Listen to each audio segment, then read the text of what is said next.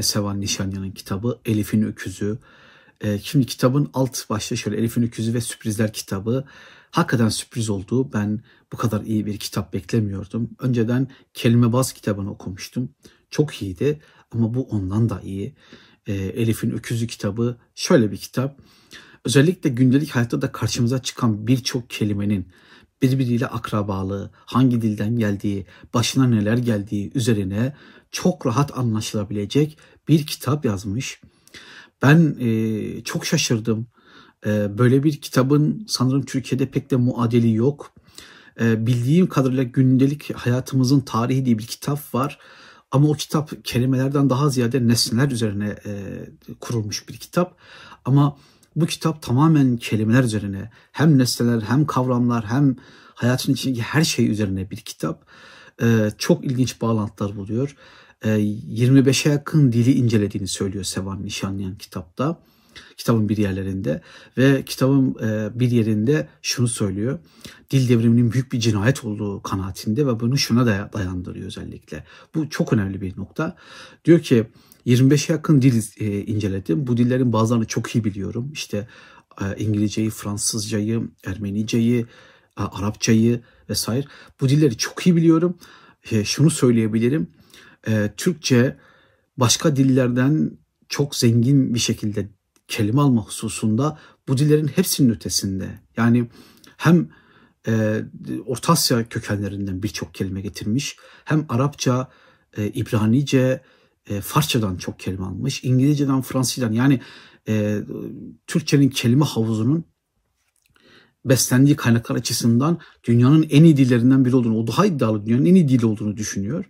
Ama dil devriminin bir cinayet olarak bu e, havuzu daralttığı kanaatinde ki burada kendince çok haklı argümanlar da ortaya koyuyor. Kitabın sonlarına doğru böyle bir e, bölümle karşılaşıyorsunuz. Şimdi kitabı okurken gerçekten bazı yerlerde aydınlandığınızı, bazı yerlerde çok eğlendiğinizi, çok e, mutlu, neşeli olduğunuzu düşünüyorsunuz. Ya benim okuduğum, son aylarda okuduğum en eğlenceli kitap. E, en bilgilendirici ve en eğlenceli kitap oldu. En nice kitaplar üzerine çalışmaya çalışıyorum. E, tabii ki o kitapların yeri bambaşka ama e, hem biraz eğlenceli hem de biraz bilgilendirici olması açısından çok iyi kitaplar. Bir, birkaç örnek vermek istiyorum. Mesela bakın direkt aklıma gelen örneği vereceğim.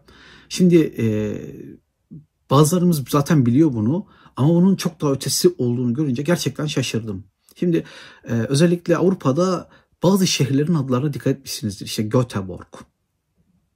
İşte bazı e, insanların isimleri vardır. İşte yani İlya Ehrenburg. Bu burg takısına çok dikkat edin. Bu burg takısı e, Türkçe'de de kullanılan burg, kale veya işte surlarla çevrilmiş yer anlamında bir ifade. E, Türkçe'de, Türkiye'de mesela e, Kemerburgaz var. Bakın orada da burg var dikkat ederseniz.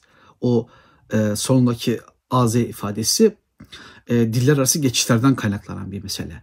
İşte e, Burgaz Ada var. Bakın Burgaz Ada, Kemerburgaz, e, Göteborg gibi. E, bunlara bakıyorsunuz. Bunlar arasında bir bağlantı var. Hepsi aynı kökten geliyor. Buraya kadar bazılarınız e, bunu biliyorduk diyeceksiniz ama şunu ben şahsen bilmiyordum. Bu burg kelimesi yani kale, kaleyle çevrilmiş, çevrelenmiş, e, etrafı çevrili yer anlamında kullanılan bu ifade burç kelimesiyle bağlantılı. Burç kelimesi alınmış ve e, özellikle şeyde e, Latin ülkelerinde veya Latince ile bağlantısı olan ülkelerde işte Almanca'da, Fransızca'da, İngilizce'de bir şekilde karşımıza burg olarak çıkmış. Veya Burgos gibi bir e, ifade olarak çıkmış. Burç kelimesi. Hatta daha da ötesi var. Bizdeki burç yani. işte kalenin burcu anlamındaki burç. Hatta bu kadarla da kalmamış. E, burjuva kelimesi e, burçlarla çevrili yerdeki direkt e, şeye bağlı, yönetime bağlı e, ne diyelim e, özel şahıslar.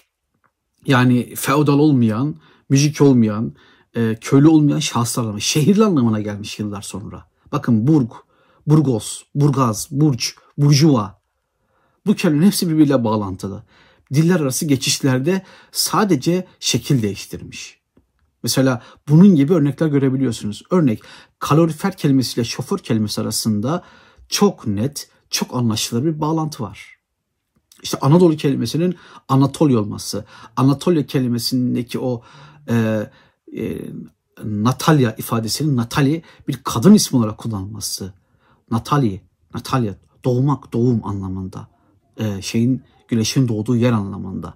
Veya işte Levant, Levanten ifadesini biliyorsunuz. Levanten doğuya yerleşmiş. Yani Batılıların doğuya yerleşmişlere verdiği isim. Doğulu demek Levanten. Levant doğu demek. Böyle yüzlerce kelime, yüzlerce kelimeyle ilgili çok enteresan bilgiler edinebiliyorsunuz. Mesela e, Arapçadaki elif e, ifadesi alfabenin birinci harfi ki kitabın ismi Elif'in öküzü. Elif ifadesi hem Fenike dilinde hem de Yunan dilindeki alfanın karşılığı. Aynı kelime dilden dile geçerken farklı çağrışımlar gösteren, farklı telaffuzlarla ortaya çıkmış.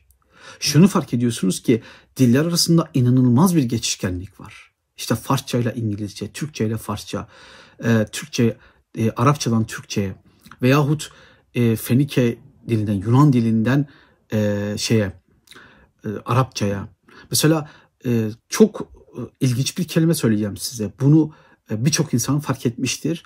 E, çok e, genel bir kelimeye dönüştü ama fa- farklı versiyonlarıyla ortalıkta. Mesela paradise kelimesi, paradise cennet anlamındaki kelime. Yani İngilizce'de paradise diye kullanılan kelime. Bu kelime çok net bir şekilde Farsça'da firdevs olarak kullanılıyor ve aynı şekilde e, İngilizce'de Kur'an-ı Kerim'de bile firdevs olarak geçiyor. Peki paradise ne? Etrafı çevrili bahçe, saklı bahçe gibi anlam taşıyor. Ve bunların hepsinin teker teker nereden geldiğini, nasıl geldiğini, nasıl kullanıldığını anlatıyor. İnanılmaz eğlenceli bir kitap. Açın rastgele bölümlerini okuyun. Çok orijinal. Biraz tedarik problemi var kitabın ama onu söyleyeyim. E, Kobo uygulamasından e-kitabını da satın alabilirsiniz. Biraz karıştırın internette belki pdf'sini de bulabilirsiniz.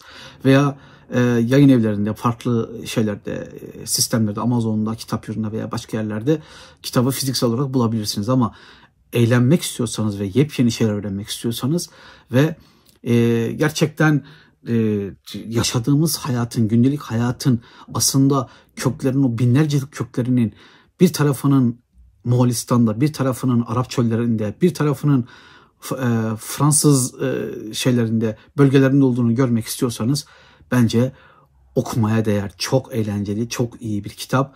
Bildiğim kadarıyla muadili yok e, ve yazar Sözlerin Soy Ağacı diye büyük bir kitap yazdı. Savan Nişanyan çoğusun hapiste yazmış can sıkıntısından. E, Türkçedeki kelimelerin kökenlerini araştırıyor ve nereden nasıl kaynaklandığını, nasıl bugünlere geldiğini anlatıyor. Bu kitabın bir özeti, bir damıtılmış hali gibi düşünün bu kitabı. Sözlerin Sayacan'ın bir damıtılmış hali gibi düşünün Elif'in Öküzü kitabını. Ben Sevan Nişanyan'a şahsen teşekkür ediyorum. Çok iyi bir kitap yazmış. Ee, bizim de yolumuzu aydınlatmış. Dünyada, hayatta birçok konuda aynı fikirde olmayabiliriz. Bence bunun hiçbir önemi yok.